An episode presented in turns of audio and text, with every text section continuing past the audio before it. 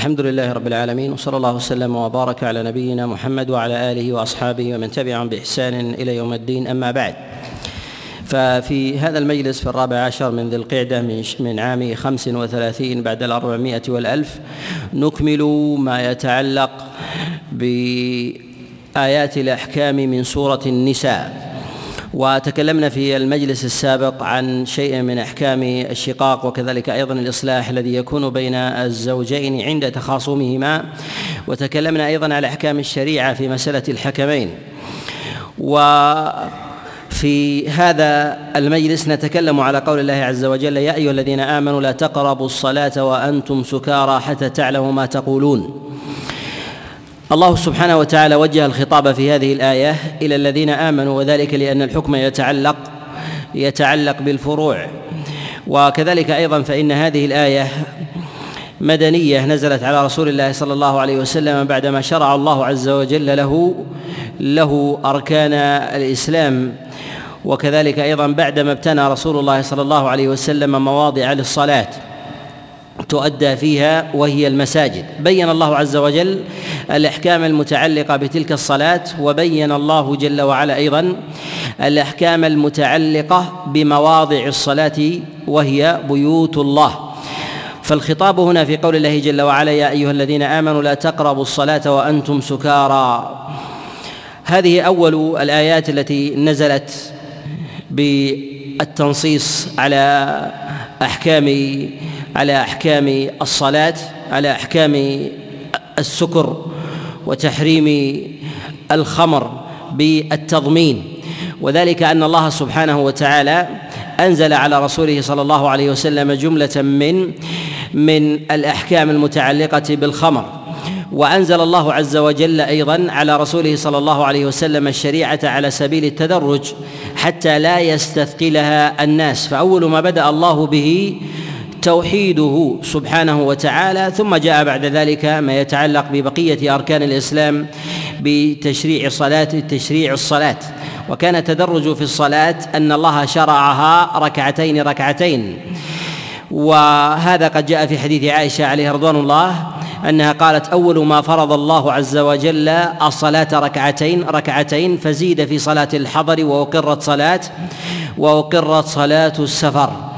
ثم شرع الله سبحانه وتعالى الصلاة تامة ثم شرع الله النوافل المتعلقة بالصلاة وهي السنة الرواتب ثم شرع الله عز وجل للأمة ما يتعلق بالنوافل المطلقة وبيان فضلها. وذلك أن الله بعدما يحكم الفرائض يذكر الله جل وعلا ما يتعلق بالنوافل. وهذا وهذا شبيه بالاضطراد وهذا شبيه بالاضطراد. إذا أحكم الله الفريضة أحكم النافلة المتعلقة بها والمحيطة والمحيطه بها. وهذا تجده كثيرا فيما يتعلق مثلا في صيام رمضان. يأتي ما يتعلق بالأحكام المحيطة بها سواء كان ذلك من أمور النافلة وغيرها. فيأتي بعد ذلك ما يتعلق بأحكام القضاء أو صيام ستة أيام من شوال والتضعيف الوارد في ذلك وكذلك أيضا الأحكام الواردة المتعلقة بقبلها بتقديم رمضان بصوم يوم أو يومين والتشديد في ذلك والأحكام المتعلقة فيه جاءت بعد تأكيد الأصل وهو صيام رمضان. وكذلك أيضا ما يتعلق بالزكاة فحينما فرض الله عز وجل الزكاة جاء ما يتعلق بمقاديرها وكذلك أنصبائها وما يجب على الإنسان فيها والأموال التي تجب فيها على سبيل التدرج على سبيل التدرج. وهذا مقتضى إحكام الشريعة ومخاطبة النفوس التي قد بعدت قد بعدت عن الفطرة الصحيحة والملة الحنيفية. والنبي صلى الله عليه وسلم لم يشرب الخمر. حتى لم يشرب الخمر قبل تحريمه. وذلك لأن أصح الفطر فطر الأنبياء والفطر تنفر من شرب الخمر لأنه يتسبب بإزالة العقل وكلام السوء والهذيان وكذلك عدم قرب الناس قرب الناس ممن فقد عقله. ولهذا ولهذا كان النبي صلى الله عليه وسلم على أمر سواء قبل تحريمه وبعد وبعد تحريمه. فجاءت الأحكام والنصوص في ذلك في بيان تحريم الخمر على سبيل التدرج حتى تألف النفوس ذلك ذلك الحكم. وهنا في قول الله جل وعلا لا تقربوا الصلاة وأنتم سكارى حتى تعلموا ما تقولون. النهي المتعلق هنا بعدم قرب الصلاة لا تقربوا الصلاة. نقول المراد بالصلاة هنا هي مواضعها وذلك لجملة من القرائن. أول هذه القرائن أن الله سبحانه وتعالى ذكر القرب ومعلوم أن القرب شيء ومباشرة الشيء شيء آخر. ولهذا ذكر الله عز وجل القرب. كما نهى الله سبحانه وتعالى أيضا عن قرب عن قرب الخمر وكذلك أيضا الميسر وأمر باجتنابها. ومعلوم أن قرب الشيء يختلف عن مباشرته والله حينما نهى عن قرب الخمر وكذلك أيضا الميسر العلة في ذلك أنه يحرم على الإنسان أن يقتنيها فضلا عن فضلا عن أن يباشرها. وهذا دليل على شدة التحريم. بخلاف ما ينهى الله عز وجل فيه عن المباشرة بخلاف القرب.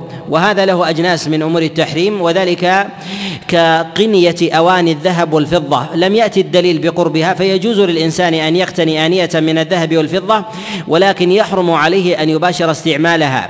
وذلك كالإنسان الذي لديه إما كأس أو صحيفة أو نحو ذلك يؤكل أو يشرب أو يشرب بالإناء فإنه يحرم عليه الشرب والأكل ولكن يجوز له أن يقتني. كالذي يقتني مثلا صحائف أو أواني الذهب للادخار أو غير ذلك فنقول إن هذا إن هذا جائز. فنقول إن هذا إن هذا جائز. والتحريم إنما جاء للمباشرة. وما جاء وما جاء إنما جاء للمباشرة ولم يأتي للقرب. بخلاف ما يتعلق بالخمر وكذلك الميسر فإنه يحرم على الإنسان أن يقتني الخمر ولو لم يشربها. وكذلك آلة الميسر ولو لم يستعملها يحرم عليه أن يقتنيها. ولا ويحرم عليه كذلك أن يجلس في مجلس ولو شرب الخمر غيره أو أن يجلس في مجلس ولو لعب القمار والميسر غيره. فالله سبحانه وتعالى نهى عن القرب. وهذا قرينة على أن المراد في قول الله جل وعلا لا تقربوا الصلاة وأنتم سكارى على أن المراد بالقرب هنا هو موضع هو موضع الصلاة فضلا عن الصلاة. فإن الله إنما عظم موضع الصلاة تعظيما للصلاة تعظيما للصلاة.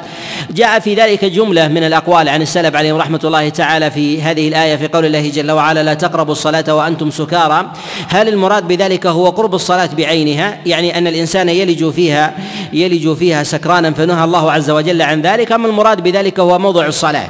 جاء في ذلك جملة من الروايات وجماعها على قولين. ذهب جماعة من السلف وهو مروي عن علي بن أبي طالب وعن عبد الله بن عباس وكذلك قال به سعيد بن جبير ومجاهد وقتادة وغيرهم على أن المراد ب بقرب الصلاة أن المراد بذلك هي الصلاة بذاتها وليس المراد بذلك هي البقعة التي هي التي تقام فيها الصلاة وهي المساجد. والقول الثاني في هذا قالوا إن المراد بذلك هي المواضع التي التي تؤدى فيها الصلاة وهذا قول آخر لعبد الله بن عباس. قال به جماعة أيضا من السلف مروي ذلك عن عبد الله بن مسعود وقال به عكرمة مولى عبد الله بن عباس وروي أيضا عن سعيد بن المسيب وكذلك عن ابن شهاب الزهري وعن غيرهم من السلف.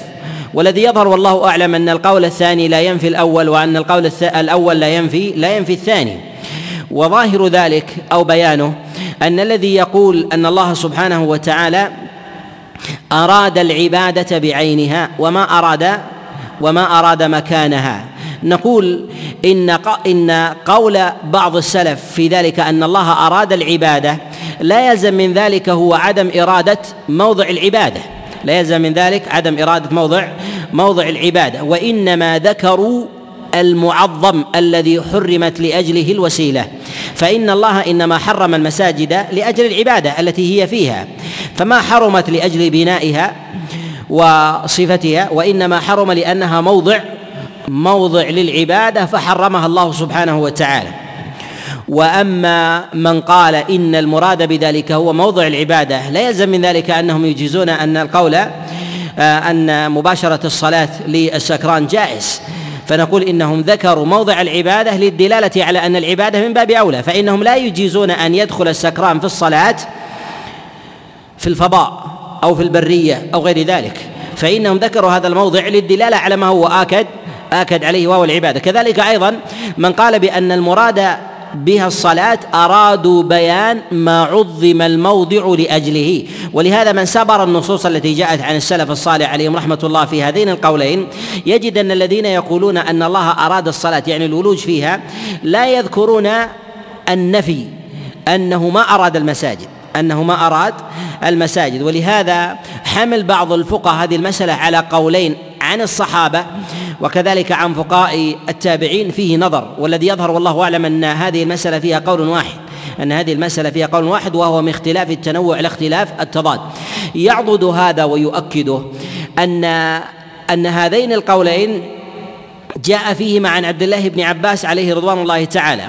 قول يوافق الأول وقول يوافق الثاني. وانقسم أصحاب عبد الله بن عباس في هذا التأويل إلى إلى طائفتين. طائفة قد فسرت بالمعنى الأول وطائفة قد فسرت بالمعنى الثاني. والذي حملت المعنى على المعنى الثاني جماعة من الفقهاء من أصحاب عبد الله بن عباس كعكرمة مولى عبد الله بن عباس وغيره وكذلك أيضا عطاء. وثمة طائفة قالوا بالقول الأول على أن المراد بذلك هو هو الصلاة وذهب إلى هذا جماعة كسعيد بن جبير وهو من أبصر الناس بالأحكام وكذلك أيضا مجاهد بن جبر. هذا القول الذي جاء عن أصحاب عبد الله بن عباس في هذه المسألة في القول الأول وكذلك أيضا القول القول الثاني لا يعني أن في المسألة أن في المسألة قولين لا بل نقول إنهما هو قول واحد والاختلاف في ذلك تنوع لا تضاد. تنوع لا تضاد بل إن بعض الأدلة تدل على الآخر. كما أنه يدل على القول بالنهي عن قرب المساجد للسكران فإنه يدل بدلالة الأولى عن قرب العبادة لأن المساجد ما عظمت إلا لأجل لأجل الصلاة. كذلك القول الأول الذين يقولون أن هذه الآية إنما جاءت في الصلاة في مباشرة الصلاة ودخولها لا يلزم من ذلك القول على القول بجواز دخول المساجد فإنهم لا ينصون على هذا وإنما يذكرون الغاية التي لأجلها حرمت المساجد ومواضع العبادة فإنهم فإنهم ينهون عن ذلك في دخول أو القرب من العبادة في أي موضع في أي موضع موضع كان. ولهذا نقول إن الله سبحانه وتعالى حرم على السكران قرب الصلاة وقرب المساجد.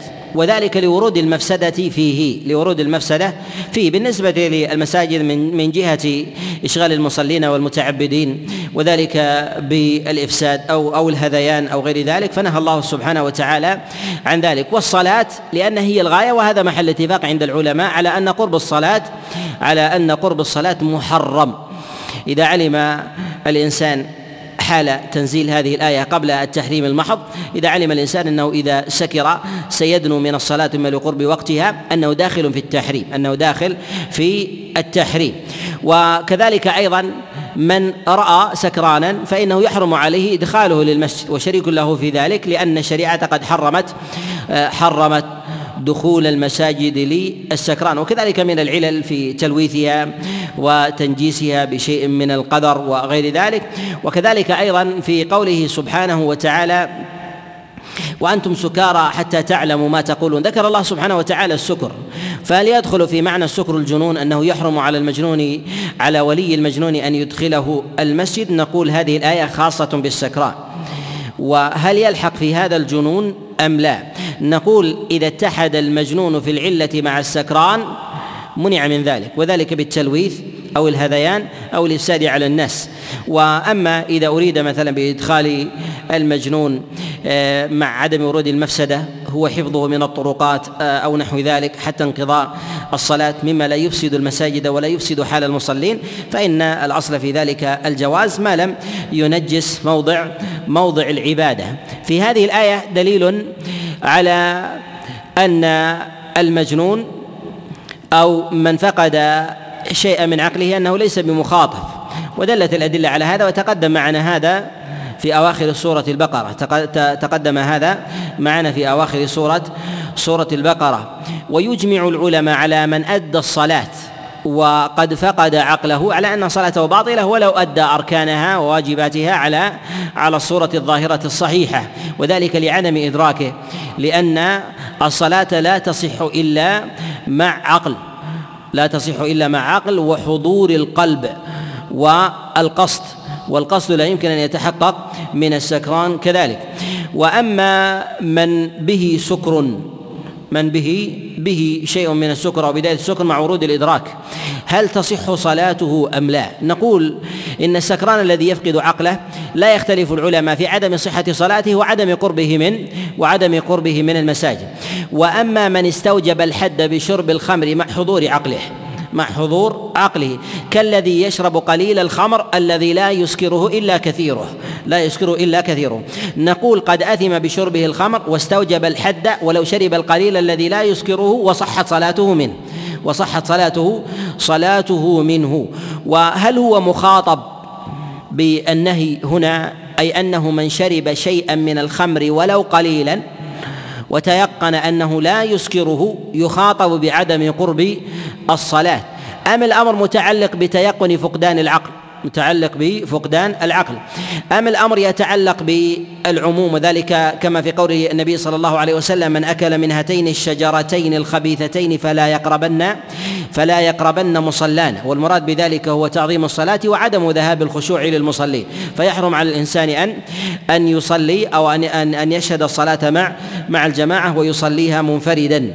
نقول إذا كان الإنسان صحيح العقل وشرب شيئا من الخمر لا يفقد عقله وعقله حاضر كعقل غيره مع مع مع استحقاقه للحد وارتكابه للإثم يجب عليه أن يشهد الجماعة يجب عليه أن يشهد أن يشهد الجماعة.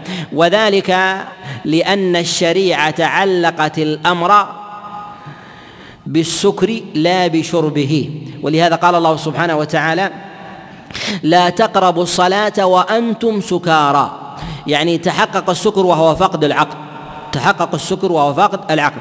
وما علق الله عز وجل الأمر بتناوله كتناول الإنسان للثوم والبصل. فمن شرب قليل الخمر الذي لا يسكر إلا كثيره فإنه مخاطب بشهود الجماعة لأن الأمر معلق بحضور معلق بفقد العقل وحضوره. وقوله سبحانه وتعالى حتى تعلموا ما تقولون. هنا حتى إما تعليلية أو غائية يعني حتى تدركوا ما تقولون وهذا يؤيد هذا القول وهذا يؤيد هذا القول على أن من شرب قليل الخمر الذي لا يفقد لا يفقد عقله به وهو صحيح العقل كغيره أنه لا يدخل في هذه لا يدخل في هذه الآية. لأن الله سبحانه وتعالى قيد الأمر بقوله حتى تعلموا ما تقولون. لأن الإنسان إما أن يسكر في ابتداء شربه وإما أن يسكر في أوسطه أو في نهايته.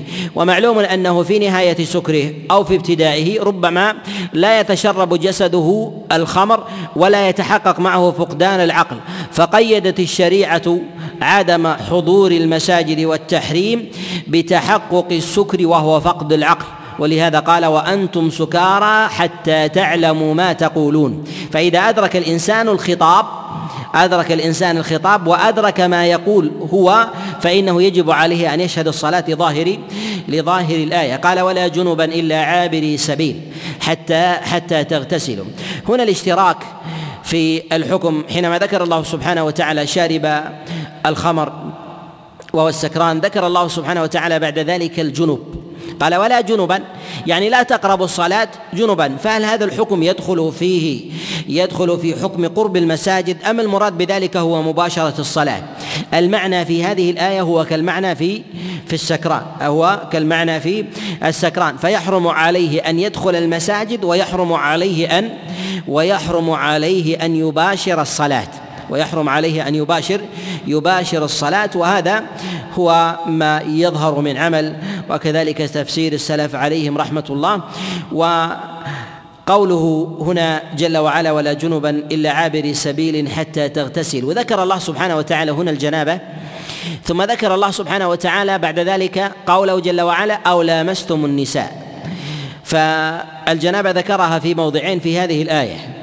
ذكرها في موضع قرب الصلاة وذكرها في موضع التيمم في موضع التيمم. مما يدل على أن المراد في حكم السكران وحكم الجنب هو قرب موضع الصلاة وليس المراد بذلك الصلاة في ذاتها لأن الله سبحانه وتعالى ذكر حكم مباشرة الصلاة بعد ذلك أنه لا بد من لا بد من طهارة وذلك في قول الله جل وعلا أو لامستم النساء فقيد الحكم هنا بالوضوء وأن يكون الإنسان على طهارة سواء كان ذلك بالماء أو كان ذلك ب أو كان ذلك بالتيمم.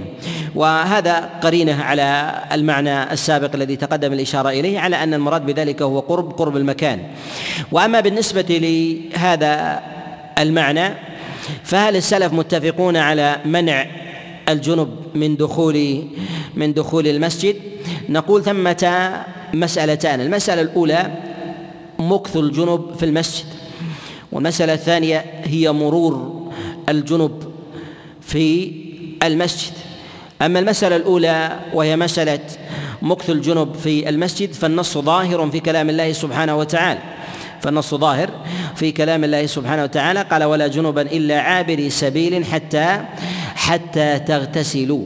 فذكر الله سبحانه وتعالى اشتراك السكران في اشتراك الجنوب مع السكران في حكم عدم دخول دخول المساجد إلا أن الله استثنى الجنوب بالعبور والمرور بالعبور والمرور. وهذه المسألة من المسائل التي وقع فيها فيها كلام. من نظر إلى كلام السلف عليهم رحمة الله يجد أنهم يفرقون بين هاتين المسألتين وهي مسألة المكث ومسألة العبور. بعض الفقهاء من المتأخرين ممن جاءوا بعد ذلك يفرق لا يفرق بين مسألة المكث وبين مسألة مسألة العبور ويجعل الحكم في ذلك واحدا. إما أقوام يجيزون وإما أقوام يمنعون. إما أقوام يجيزون وإما أقوام يمنعون في في الجميع. من نظر إلى كلام السلف من الصحابة والتابعين يجد أنهم يفرقون بين هاتين المسألتين ويمنعون من مكث الجنوب في المسجد من مكث الجنوب في المسجد ويستثنون من المكث إذا خفف الإنسان جنابته بوضوء. إذا خفف خفف الجنب جنابته بوضوء فتوضأ فله أن يدخل المسجد ولو مكث فيها. ولو مكث في المساجد. وهذا قد جاء عن جماعة من السلف فقد روى سعيد بن منصور في في السنن وكذلك أيضا الأثرم من حديث عطاء بن يسار قال كان أصحاب رسول الله صلى الله عليه وسلم يجلسون في المساجد وهم مجنبون وذلك بعدما يتوضؤون وضوء الصلاة وإسناده صحيح وجاء أيضا عن زيد بن أسلم أنه حكى ذلك عن أصحاب رسول الله صلى الله عليه وسلم. وحكاية العمل هذه تخصص الآية تخصص الآية أن النهي عن المكث في المساجد إنما هو مقيد للجنابة من غير وضوء من غير وضوء. فإذا توضأ جاز له أن يمكث في المسجد بهذا بهذا القيد بهذا القيد. وثمة قول لبعض الفقهاء يمنعون من المكث مطلقا سواء كان ذلك سواء كان ذلك بوضوء أو أو بغير وضوء أو كان ذلك بتيمم أو بغير أو بغير تيمم. وهذا ذهب إليه بعض الفقهاء وهو مروي عن الإمام مالك وكذلك أيضا عن أبي حنيفه عن أبي حنيفة عليه عليه رحمة الله. والأظهر ما ما جاء عن السلف عليهم رحمة الله في هذا والمسألة هي شبيهة بإجماع الصحابة شبيهة بإجماع الصحابة على هذا العمل أنهم إذا توضؤوا جاز لهم أن يمكثوا أن يمكثوا في المساجد. وأما بالنسبة للعبور أما بالنسبة للعبور نقول إن ذكر العبور هنا قرينة على أن المراد بحكم السكران وحكم الجنب هو قرب مواضع الصلاة وهو المساجد وليس مباشرة العبادة وليس مباشرة العبادة لأن الشريعة لا تستثني من مباشرة العبادة ولو شيئا يسيرا للسكران. وكذلك أيضا الجنب إذا كان واجدا للماء إذا كان واجدا للماء والتراب في تيممه فإنه لا يجوز له أن يأتي بشيء منها. فذكر العبور إشارة على أن التحريم إنما جاء لموضع الصلاة ومكانها.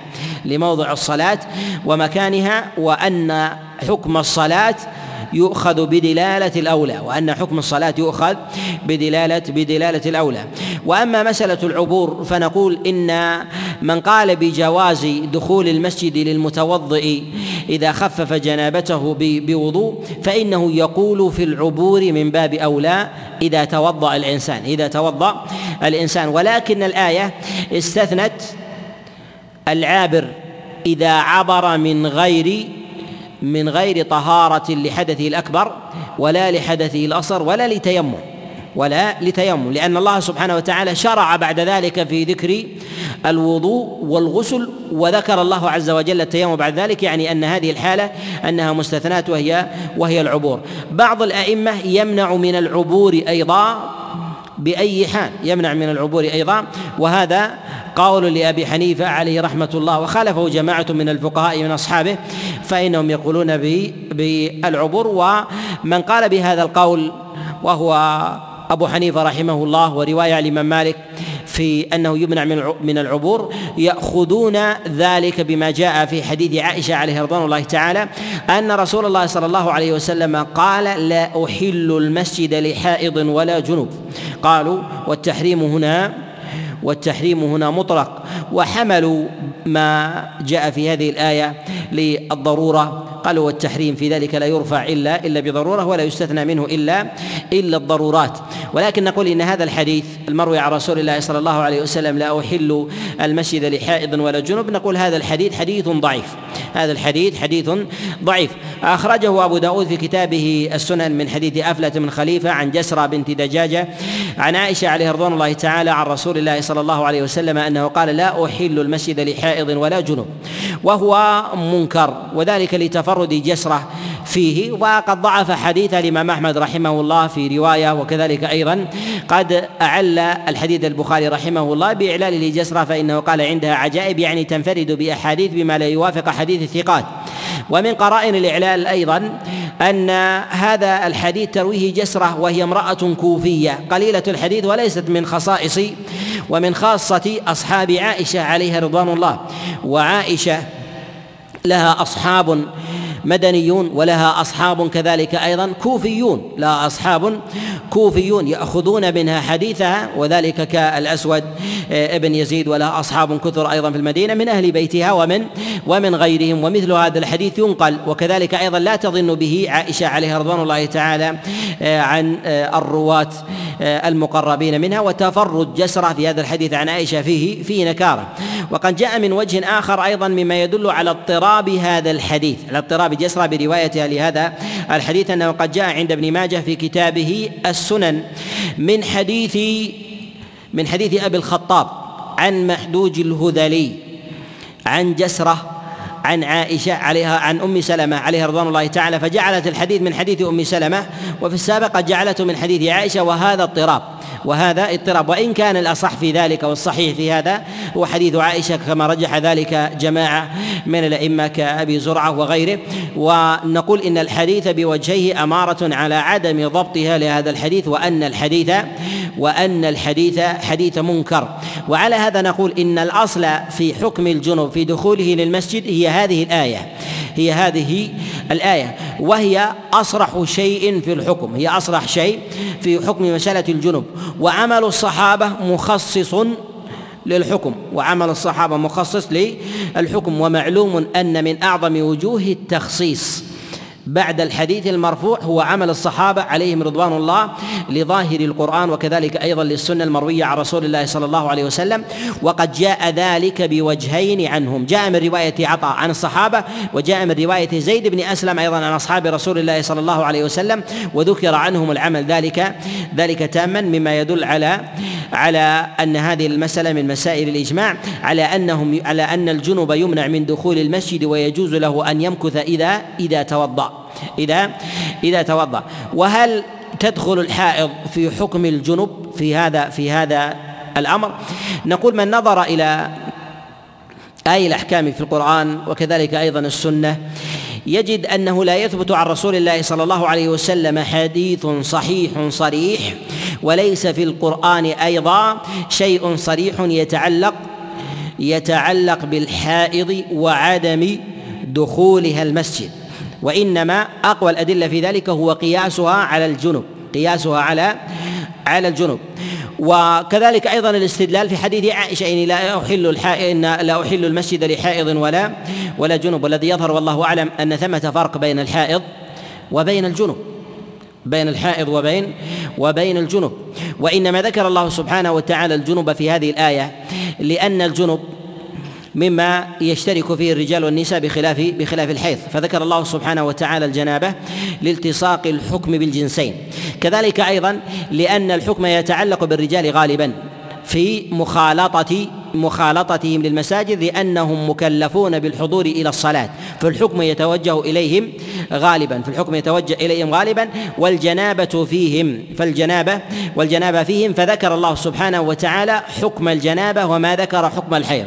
فإن أكثر الجنسين شهودا للمساجد الرجال فإنهم يشهدون الجمع والجماعات وكذلك أيضا الحلق التي تكون في مسجد رسول الله صلى الله عليه وسلم.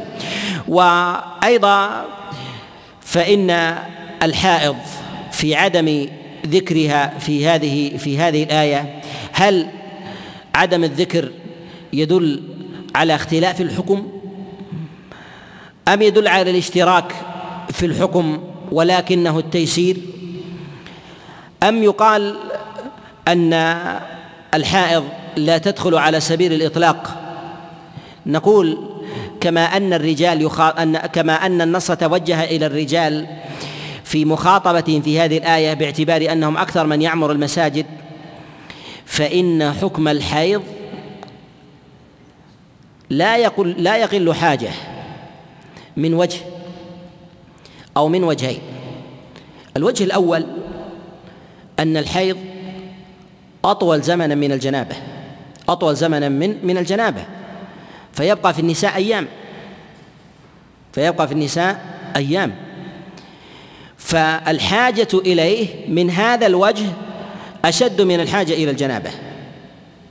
أشد من الحاجة إلى إلى الجنابة. فيبقى في النساء أيام الأسبوع وربما أقل أو أكثر من ذلك. ومن النساء من يبلغ نصف نصف الشهر.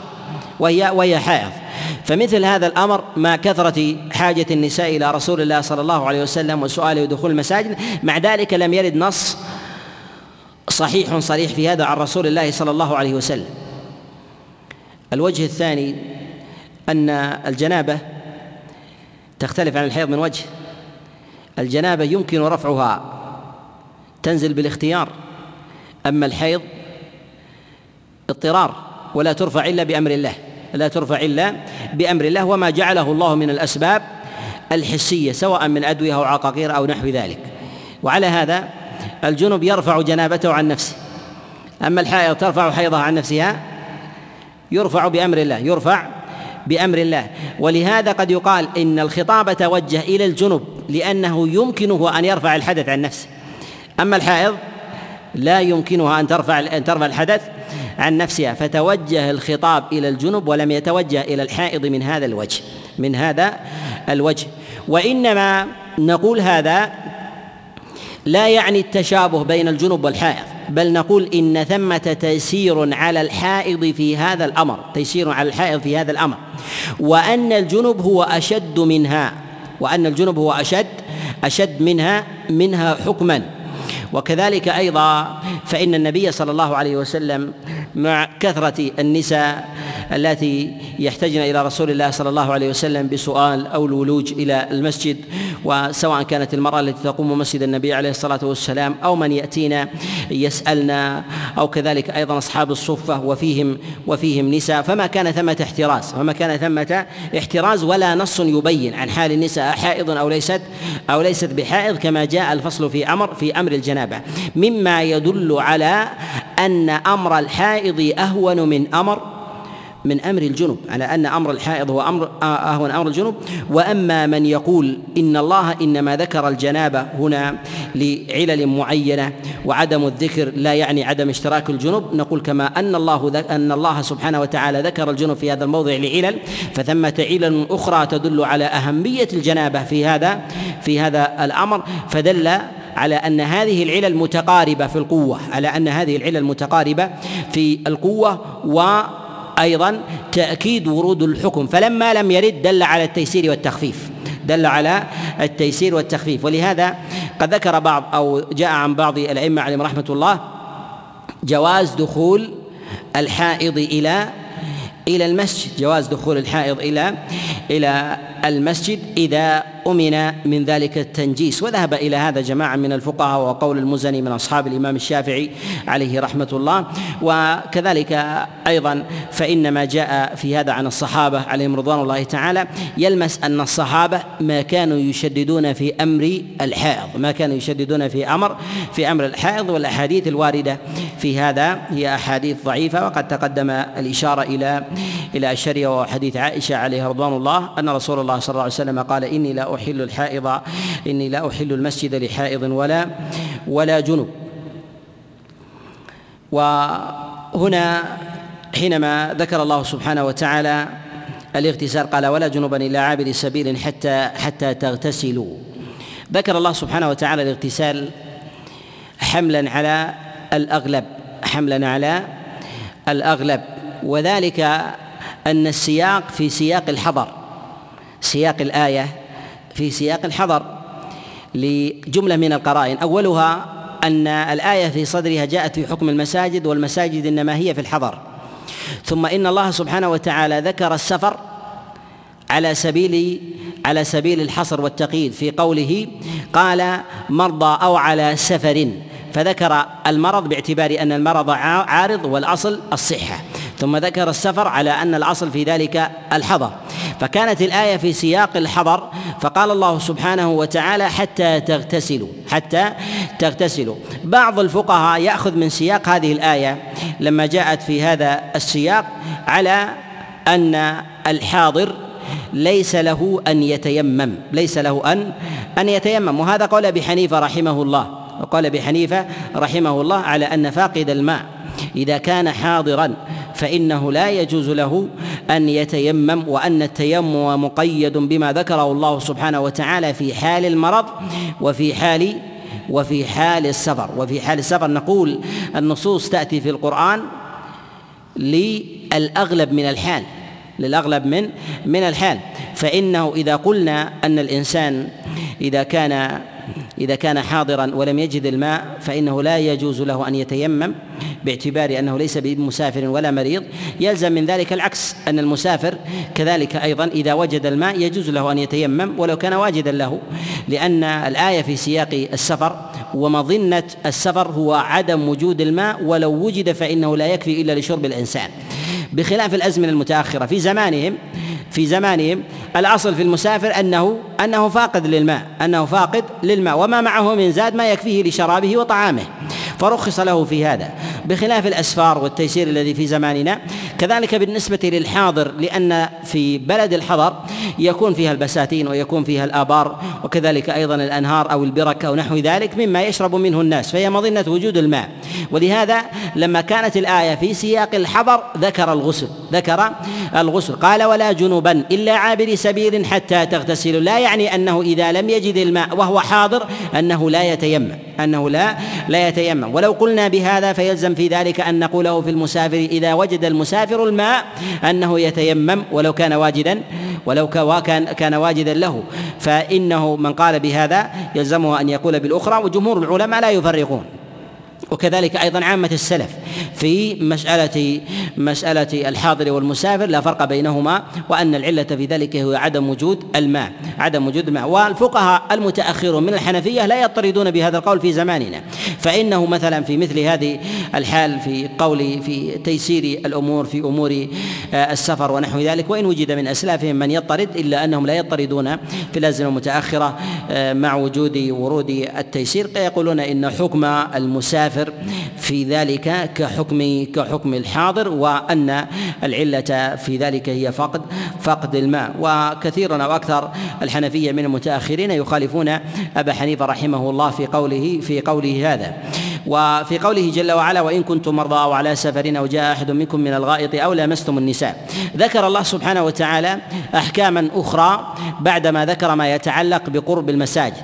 ف الأولى تتعلق بأحكام المكان من جهة الأصل والشطر الآخر من الآية يتعلق بأحكام الحال بأحكام الحال والحال في ذلك هي حال الإنسان إما أن يكون مريضا وإما أن يكون مسافرا. وإما أن يكون على جنابة ولم يجد الماء أو لامستم النساء. فهذا من رحمة الله عز وجل ولطفه بعباده أن يسر لعباده أن يسر لعباده الأمر.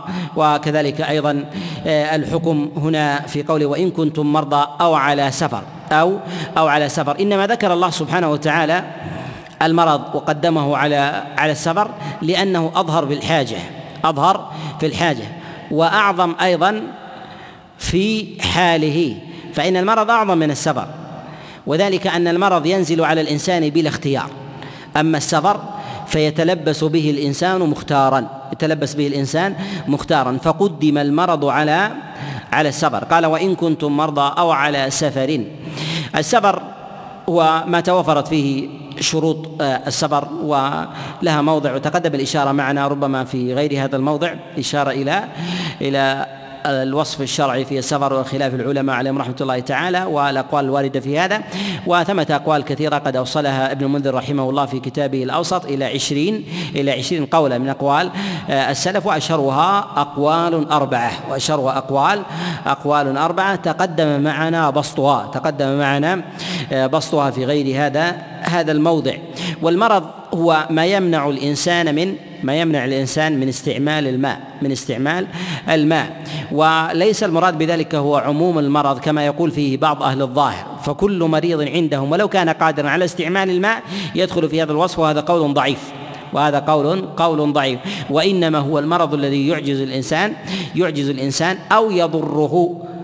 عند استعماله لي عند استعماله للماء فنقول حينئذ يتيمم ولا شيء عليه ولا شيء عليه سواء كان حدثه حدثا أكبر أو كان حدثه حدثا آه، حدثا أصغر فإنه يتيمم وصفة التيمم عن الجنابة والحدث الأصغر واحدة. صفة التيمم في ذلك واحدة لا يزاد فيها ولا ولا ينقص. وأوصاف الأمراض في ذلك هي بحسب أحوال الناس ولتعددها وكذلك وفرتها يشق ضبطها في ذلك ولكن نقول هي ما يمنع الإنسان من استعمال الماء أو أو يضر به ولو لم يفقد الإنسان كان يكون في الإنسان مرض. إذا استعمل الماء فإنه يتأخر مرضه ولكن لا خوف على حياته حينئذ يجوز له لأنه لا ضرر ولا ولا ضرر والشريعة تتشوف إلى إلى رفع الحرج والضرر عن الضرر عن الإنسان. أما إذا كان استعمال الماء لا صلة له بالمرض فلا يدخل في الحكم. باتفاق السلف وقال الأئمة الأربعة عليهم عليهم رحمة الله. وذلك كأن يكون مثلا في آه، الإنسان مرض في عضو لا يباشره الماء. لا يباشره الماء كأن يكون مثلا فيه حرق آه، في صدره أو في بطنه أو في فخذه أو في ساقه أو جراحة فيها فليست هذه من مواضع من مواضع الوضوء فلا تمنع إلا إذا عجز عن استعماله إذا عجز عن استعماله فإذا عجز الإنسان عن استعمال الماء بنفسه سقط عنه الوضوء وجاز له التيمم وجاز له التيمم وإذا قدر الإنسان على استعمال الماء بغيره عجز عن استعمال الماء إلا بغيره وذلك كالإنسان مثلا المشلول الذي لا يستطيع أن يستعمل الماء أو المكسور الذي لا يستطيع تناول الماء. تناول الماء فهل يجب عليه الوضوء بالإعانة بغيره أن يعينه غيره على على غسل أعضائه؟ على غسل غسل أعضائه. نقول لا يجب عليه إذا لم يستقل بنفسه في استعمال الماء في استعمال الماء. لا يجب عليه أن يأمر ولده أن أن يغسل أعضاءه ولا أن يأمر زوجه بأن تغسل أعضاءه. فإذا لم يستقل بنفسه وقدر على التيمم جاز له التيمم وسقط عنه وسقط عنه الوضوء وسقط عنه الوضوء. وكذلك أيضا في التيمم إذا عجز الإنسان عن التيمم بنفسه إذا عجز الإنسان عن التيمم بنفسه ويقدر به بغيره هل يجب عليه التيمم؟ يسقط عنه يسقط عنه الجميع. الأصل أنه يسقط عنه الجميع لأن الخطاب يتوجه إلى الفرد بعينه بما أتاه الله من تكليف. بما أتاه الله من تكليف. لأننا لو قلنا بأنه يجب عليه أن يتوضأ إلى أن يتوضأ بغيره تعدى الحكم إلى غيره فتعدى الحكم إلى الولد وإلى الزوجة أن توضئ زوجها فتأثم إن لم توضئه. والحكم لا يتعدى وحكم الوضوء لا يتعدى بل هو لازم للإنسان كحكم الصلاة. يجب على الإنسان أن يصلي وإذا كان الإنسان لا يستطيع القيام بنفسه جاز له أن يصلي قاعدا. وإذا كان يستطيع القيام إذا أقامه غيره ما وجب على غيره أن يقيمه. ما وجب على غيره أن يقيمه. كذلك يجب عليه أن يتوضأ بنفسه. إذا عجز عن الوضوء بنفسه ما وجب على غيره أن يوضئه. ما وجب على غيره أن يوضئه ولو وضأه صح منه. ولو وضأه صح صح منه. وهذا القول في صورة من الصور يلزم القول بالصورة بالصورة بالصورة الأخرى وهذا من الأحكام اللازمة لا لا المتعدية. وهنا في قول أو جاء أحد منكم من الغائط أو لمستم النساء ذكر الله سبحانه وتعالى الغائط والمراد بالغائط هو موضع موضع التخلي وليس المراد به جنسه وليس المراد به جنسه وان المراد بذلك هو ما خرج من السبيلين ما خرج من من السبيلين. فقال فلان جاء من الغائط ولا يلزم من ذلك أنه قضى حاجته بالتغوط فربما يكون ببول أو ريح أو غير ذلك. وإنما ذكر ذلك والقرينة على هذا أن الله سبحانه وتعالى قال أو جاء أحد منكم من الغائط إشارة إلى أنه من مكان إلى أنه من مكان. المراد بذلك هو المكان أو جاء أحد منكم من الغائط أو لامستم النساء. أو لامستم النساء. هنا في ذكر الملامسة الملامسة هي الجماع. على قول جماعة من السلف وقال عبد الله بن عباس ومجاهد بن جبر وسعيد وقتادة وغيرهم. وروي عن بعض السلف المراد بذلك هو مس جسد المرأة بشهوة ومس جسد المرأة بشهوة بعضهم يذكر هذا القيد وبعضهم لا يذكره. وهذا مروي عن آه، عمر بن الخطاب وعلي بن أبي طالب وغيرهم من من الفقهاء. وقال الإمام مالك والشافعي على المراد بذلك هو مس المرأة. والأظهر ولا صح في هذا على أن المراد بالملامسة هنا أو لامستم النساء على أن المراد بذلك هو الجماع هو الجماع. والله سبحانه وتعالى يذكر الجماع ويكنيه. والله سبحانه وتعالى يذكر الجماع ويكنيه ولا يصرح به. وهذا وهذا آه وهذا من باب الكناية لفهم مع فهم المعنى. فالله سبحانه وتعالى يسمي الجماع في القرآن يسميه حرثا ويسميه نكاحا ويسميه زواجا ويسميه وطئا ويسميه لمسا ويسميه مسا ويسميه غشيان ويسميه كذلك آه أيضا إفضاء أفضى بعضكم إلى إلى بعض. فكل هذه المعاني تدل على على أن المراد بذلك هو الجماع. كذلك يسميه الرفث كما في قول الله عز وجل فلا رفث ولا فسوق ولا جدال في الحج وكذلك أحل لكم الرفث كما تقدم معنا. فإن المراد بذلك هو الجماع. فالله عز وجل إذا ذكر الجماع يكنيه ذكر الجماع يكنيه. كما أيضا هنا في قوله جل وعلا أو لامستم النساء أو لامستم النساء. هذه المسألة هي في كلام السلف دليل على على حكمين. الحكم الأول ما يتعلق بالجنابة وأن الجنب إذا لم يجد الماء فإنه يتيمم وحكم الجنب في استعمال التيمم كحكم فاقد الماء في الحدث الأصغر في الحدث الأصغر. والحكم الثاني في مسألة مس المرأة في مسألة مس مس المرأة. ومس المرأة من قال بهذا المعنى هل يلزم هل يلزم أن كل مس للمرأة ينقض الوضوء؟ أم أنه ما علل بعلة بالمس بشهوة جمهور العلماء الذين يقولون بأن مس المرأة ينقض الوضوء يقيدونه بالشهوة. وهذا قول الإمام مالك والشافعي ورواية عن الإمام أحمد وظاهر السياق ما جاء عن عمر وعلي بن أبي طالب عليه رضوان الله تعالى على أنه ما كان ما كان بشهوة ما كان بشهوة فإنه مظنة خروج الناقض فإنه مظنة خروج خروج الناقض. وهو قريب أو شبيه بمسألة بمسألة النوم بمسألة النوم عندهم فإنهم يفرقون بين النوم الذي يغلب على الظن عدم شعور الإنسان به وإذا خرج منه ناقض لا يعلم لا يعلم به ومن النوم الذي يعلم به الإنسان. أما المس مس المرأة لذاتها فهل لمجرد المس ينتقض الوضوء؟ هذا ليس في كلام الصحابة عليهم رضوان الله تعالى ليس في كلام الصحابة مثل هذا الإطلاق. وإن جاء في بعض كلامهم التعميم في بعض الروايات فنقول إن التعميم في ذلك يحمل على ما جاء في على ما جاء في كلام البعض الآخر كذلك يحمل على يحمل على الأصول. وكذلك أيضا فإن ظواهر النصوص في كلام النبي عليه الصلاة والسلام أن المس في ذاته لا ينقض ولهذا مس النبي عائشة وهو يصلي. كما جاء في الصحيح في حديث عائشة قالت كنت كان النبي عليه الصلاة والسلام يصلي وأنا معترضة بين يديه فإذا سجد غمزني بيده. يعني أن النبي عليه الصلاة والسلام يمس عائشة يشعرها انه أنه سيسجد ثم آه، ثم ثم ترفع رجليها آه، أو تثني رجليها عن موضع سجوده عليه الصلاة والسلام. وهذا يتضمن للمس كذلك أيضا ما جاء في حديث عائشة عليه رضوان الله تعالى أن النبي عليه الصلاة والسلام كان يقبلها ويخرج ولا ولا يتوضأ. وهذا قد جاء في حديث حبيب عن عروة عن عائشة عليها عليها رضوان الله تعالى على رسول الله صلى الله عليه وسلم. والحديث في المسند والسنن وفيه فيه كلام. ولكن نقول ظاهر ظواهر السياق في ذلك أن هذا أن هذا معنى معنى في هذا معها في صحيح. كذلك أيضا في حديث عائشة في الصحيح أن النبي عليه الصلاة والسلام كان يدخل رأسه وهو معتكف على عائشة عليه رضوان الله تعالى ترجله. ترجله وهذا إشارة إلى أن مثل هذا الفعل لا ينقض ومثل هذا الأمر لو كان ناقضا للوضوء لاحتاج إلى الخروج والوضوء. يحتاج الخروج والوضوء والتسبب في ذلك بمثل هذه العلة في مثل هذا الأصل أن النبي صلى الله عليه وسلم لا يباشرها إلا مع بيان لا يباشرها إلا إلا مع بيان.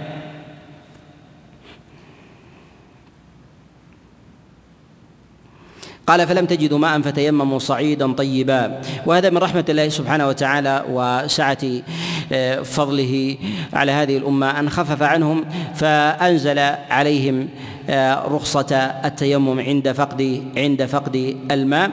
وهنا في ذكره في قوله جل وعلا فتيمموا صعيدا طيبا. تقدم معنا الكلام على معنى آه، التيمم. هنا في قوله صعيدا طيبا. الصعيد هو ما صعد على الأرض ما صعد على الأرض. هذا يتضمن تيسيرا ويتضمن حكما. أما التيسير أن الله جعل الحكم يتعلق بما صعد عن الأرض لا أن الإنسان يتكلف بالبحث عن شيء في باطنها وذلك بالحفر أو نحو ذلك. وذلك الإنسان الذي لا يجد مثلا شيئا إلا بتكلف أو نحو ذلك لا يؤمر بهذا ويسقط عنه حتى التيمم. ولهذا علق الحكم بالصعيد. وأما بالنسبة للحكم فإن الله سبحانه وتعالى علق الحكم بما صعد على بما صعد على الأرض واختلف العلماء في المجزئ من التيمم. المجزئ من التيمم؟ وهل المراد بذلك ما صعد على الأرض فيشمل في ذلك التراب وما على الأرض حتى لو كان من أوراق الشجر آه، أو غيره فإنه يجوز للإنسان أن يتيمم به اختلف العلماء عليهم رحمة الله تعالى في هذه المسألة في هذه المسألة على على أقوال. القول الأول وهو قول الإمام مالك وكذلك الشافعي وكذلك قول الإمام أحمد رحمه الله على أن المراد بالصعيد آه، في ذلك هو التراب. المراد بذلك هو التراب. وما كان من جنسه وما كان من من جنسه. وذلك بالتراب والطين والرمل وكذلك أيضا الحجارة التي مثلا فيها فتات أو فيها أو مكسرة أو نحو ذلك التي فيها من جنس ما ما في التراب فإنها داخلة في هذا في هذا الحكم. وثمة قول آخر لبعض الفقهاء ذهب إليه جماعة من الفقهاء من أهل من أهل الرأي وهو قول لجماعة أيضا من الفقهاء من الحنابلة على أنه كل ما صعد على الأرض. كل ما صعد على الأرض ولو غطت الأرض بأوراق الشجر. ولو غطت الأرض بأوراق الشجر جاز للإنسان إذا لم يجد إذا لم يجد ما يباشر به الأرض أنه يضرب يديه عليه يضرب عليها. وعلى هذا القول أيضا ما ما تغطى به الأرض. كذلك أيضا مما يكون على سطحها من حجارة أو الرخام أو كان الإنسان على سفح جبل فإنه يضرب آه، على سفحه باعتبار أنه أنه داخل في هذا داخل في هذا المعنى. قال فتيمم صعيدا طيبا. وهنا ذكر طيبا إشارة إلى أن إشارة إلى تطيب النفس بمثل هذا العمل. حتى لا تجد النفس حرجا.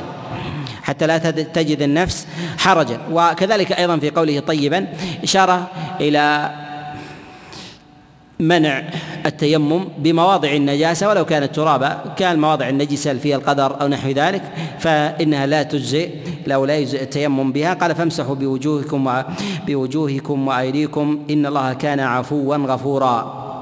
ويتفق العلماء عليهم رحمة الله من أصحاب رسول الله صلى الله عليه وسلم والتابعين على أن التيمم لا بد فيه من من اليد والوجه.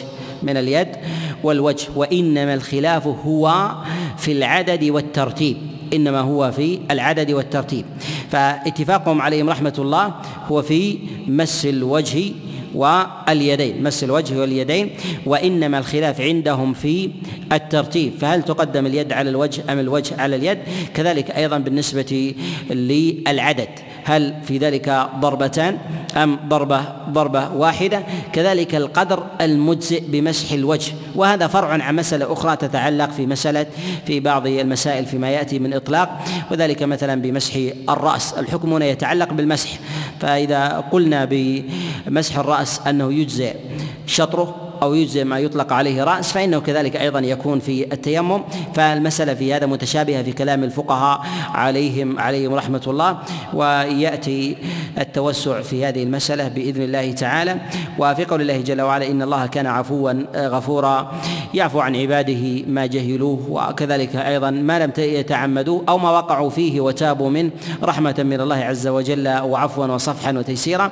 وثمة مسألة ينبغي الكلام عليه وما يتعلق بمسألة السكران هي لا علاقة لها بذات النص ولكن آه، هي من المسائل المهمة ما يتعلق بمسألة قول السكران قول السكران هنا ظهر أن الخطاب توجه إلى الذين آمنوا. توجه الخطاب إلى الذين آمنوا لا في حال سكرهم ولكن قبل قبل سكرهم. يا أيها الذين آمنوا لا تقربوا الصلاة وأنتم وأنتم سكارى.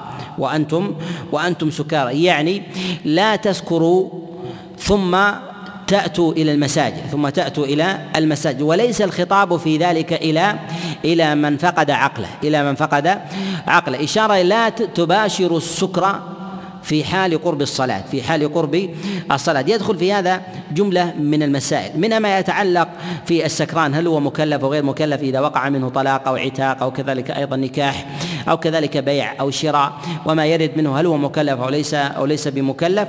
كذلك أيضا من جملة هذه الأحكام أن الله سبحانه وتعالى حينما توجه الخطاب إلى الذين آمنوا والخمر لم تحرم بعد أن يفعلوا هذا الشيء عند الصلاة هل هو تحريم لشهود الصلاة؟ أم تحريم للشرب عند قرب الصلاة حتى لا يحضروها؟ نقول هو شامل للمعنيين والمعنى الثاني باب أولى لأنه لو سكر لا يعلم هل حضر إلى المسجد أو لم يحضر. يعلم ولا يعلم؟ لا يعلم. ولهذا توجه الخطاب إلى عدم الفعل. هل نقيس على هذا أنه لا يجوز للإنسان أن يأكل الثوم والبصل إذا قرب وقت الصلاة؟ نقيس؟ إذا قلنا الخطاب يتوجه إلى العاقل ألا يفعل هذا الشيء حتى لا يمنعه من لا يمنعه من الإتيان الصلاة. قياس صحيح وليس بقياس صحيح؟ نقول قياس صحيح قياس صحيح. ليس للإنسان أن يأكل ويتعمد الأكل عند وقت الصلاة عند وقت الصلاة. لكن لو أكل ناسيا أو لم يجد طعاما إلا ثم أو بصلا جاز له له أن يأكل. جاز له أن أن يأكل. لأن مسألة أكل الثوم والبصل أخف من من من السكر أخف من السكر. وإنما هو قياس لتقريب المسألة للتشابه في الأصل. من هذه الأحكام مسألة قول السكران. هل يؤخذ بقوله أم لا؟ للعلماء عليهم رحمة الله كلام كثير في هذه المسألة. كلام كثير في هذه المسألة في مسألة السكران. هل يؤخذ بقوله أو لا يؤخذ؟ نقول يجب أن يعلم أن ثمة مسائل متفق عليها عند السلف ويذكرها كثير من الفقهاء ويذكرون بعض القيود ونحو ذلك ولكن يجب أن نعلم أن السلف اتفقوا على جملة أشياء في أمر السكران أولها أن من كان سكره بإكراه أن من كان سكره بإكراه أو كان أو كان سكره بشيء أو فقده لعقله بشيء غير السكر على سبيل الاختيار كالبنجة الإنسان أعطي بنجة فهذا ليس سكر هذا ليس ليس سكر وإنما هو تسبب بزوال زوال العقل. أن من كانت حاله كذلك أنه لا يؤاخذ بشيء إلا ما كان من أمور المتلفات وضمانها إلا ما كان من أمور المتلفات وضمانها. فالمكره لا يدخل في كلام السلف عليهم رحمة الله في مسألة طلاقه أنه إذا طلق أو باع أو أعتق أو تزوج أو غير ذلك أنه لا يدخل في هذه في هذه المسألة. مما اتفق عليه العلماء أيضا في مسألة السكران سواء كان مكرها أو غير مكره ما يتعلق بألفاظ الكفر. إذا تكلم بالردة إذا تكلم بالردة أنه لا لا يعد مرتدا. أنه لا يعد مرتدا أو وطأ المصحف لا يعد وطأ العاقل لا يوطأ وطأ العاقل فلا يقام عليه حد الردة فيتجري عليه تلك تلك الأحكام. فنقول إن هذه ليست مسألة. مما اتفق عليه العلماء أيضا أن السكران بجميع أحواله عند من قال بعذره لا يدخل لا يدخل فيه ما يتعلق بحقوق الناس ما يتعلق بحقوق الناس بالمتلفات قتل الدية لا بد منها. سرق لا بد من إعادة المال. حق الله وهو القطع هذا حكم آخر. وغير ذلك مما يتعلق بحقوق بحقوق بحقوق الناس فإنه يضمن إعادتها. فإنه يضمن إعادتها وذلك كحال المجنون سواء تسبب بجنونه أو كان مجنونا أصليا أو حال الصغير يجب على وليه أن يضمن. يجب على وليه أن أن يضمن. وأما ما يتعلق بخلاف الفقهاء عليهم رحمة الله فإنه في غير هذه المسائل. اختلف العلماء عليهم رحمة الله في أمر في أقوال السكران. في أقوال السكران. هل أقواله من عتاق وطلاق ونكاح وبيع أنها أنها ملزمة له أو ليست أو ليست ملزمة؟ والمراد بذلك من كان من كان مختارا. اختلف العلماء على عدة أقوال. القول الأول قالوا أنه ملزم بكل شيء أنه ملزم بكل شيء صدر منه سواء طلق أو أعتق أو نكح أو باع فانه فإنه ماض لأنه متعمد بتسببه بفعله ذلك والمتعمد لهذا يبوء بما صدر منه يبوء بما صدر صدر منه. ومنهم من يعلل أيضا قالوا أن ما كل السكر يظهر عند الناس أن ما كل السكر يظهر عند عند الناس فربما يكون الإنسان فيه شيء من فقد العقل ولكنه لا يظهر أمام الناس فيمضي بيعا ثم يتعلل بسكره ثم يتعلل بسكره. قالوا فما تسبب به الإنسان؟ فلا بد من مضيه مضيه عليه. القول الثاني قالوا أنه لا يؤاخذ أو لا يلزمه شيء من ذلك. لا يلزمه شيء من ذلك إلا ما يتعلق بحق ما يتعلق بما استثني من الأمور السابقة من أمور المتلفات ونحو ذلك وكذلك أيضا أمر الحد وحده في ذلك هذا مما لا خلاف مما لا خلاف فيه. وأقوام فرقوا بين الملزمات أقوام فرقوا بين الملزمات والقول الثالث فرقوا بين النكاح والبيع وبين العتق والطلاق بين العتق والطلاق. وهذا قول مروي عن الإمام مالك رحمه الله وجاء عن عثمان بن عفان عليه رضوان الله تعالى أن طلاق السكران لا يقع. أن طلاق السكران لا يقع. وهل للفقيه أن يوقع طلاق السكران في بعض الأحوال والصور من باب التأديب والزجر؟ من باب التأديب و والزجر. نقول للسلطان والقاضي أن يفعل ذلك. لأنه له أن يفسخ من غير طلاق. لأنه له أن يفسخ من غير من غير طلاق. فمن باب أولى أن ينزل طلاقا قد تلفظ به هو تسبب بزوال عقله. بزوال عقله تأديبا له. تأديبا تأديبا له. ومن يمنع يقول إن مثل هذا الأمر لا تنزل عقوبته عليه بل على زوجه وكذلك أيضا ولده فيدفع ذلك قدر الوسع والإمكان وهي من مسائل الاجتهاد. و عمدة الأدلة في ذلك إنما هي أقوال السلف عليهم رحمة الله والقواعد العامة في هذا. نكتفي بهذا القدر. أسأل الله عز وجل لي ولكم التوفيق والسداد والإعانة. إنه لذلك يقدر عليه. صلى الله وسلم وبارك على نبينا محمد.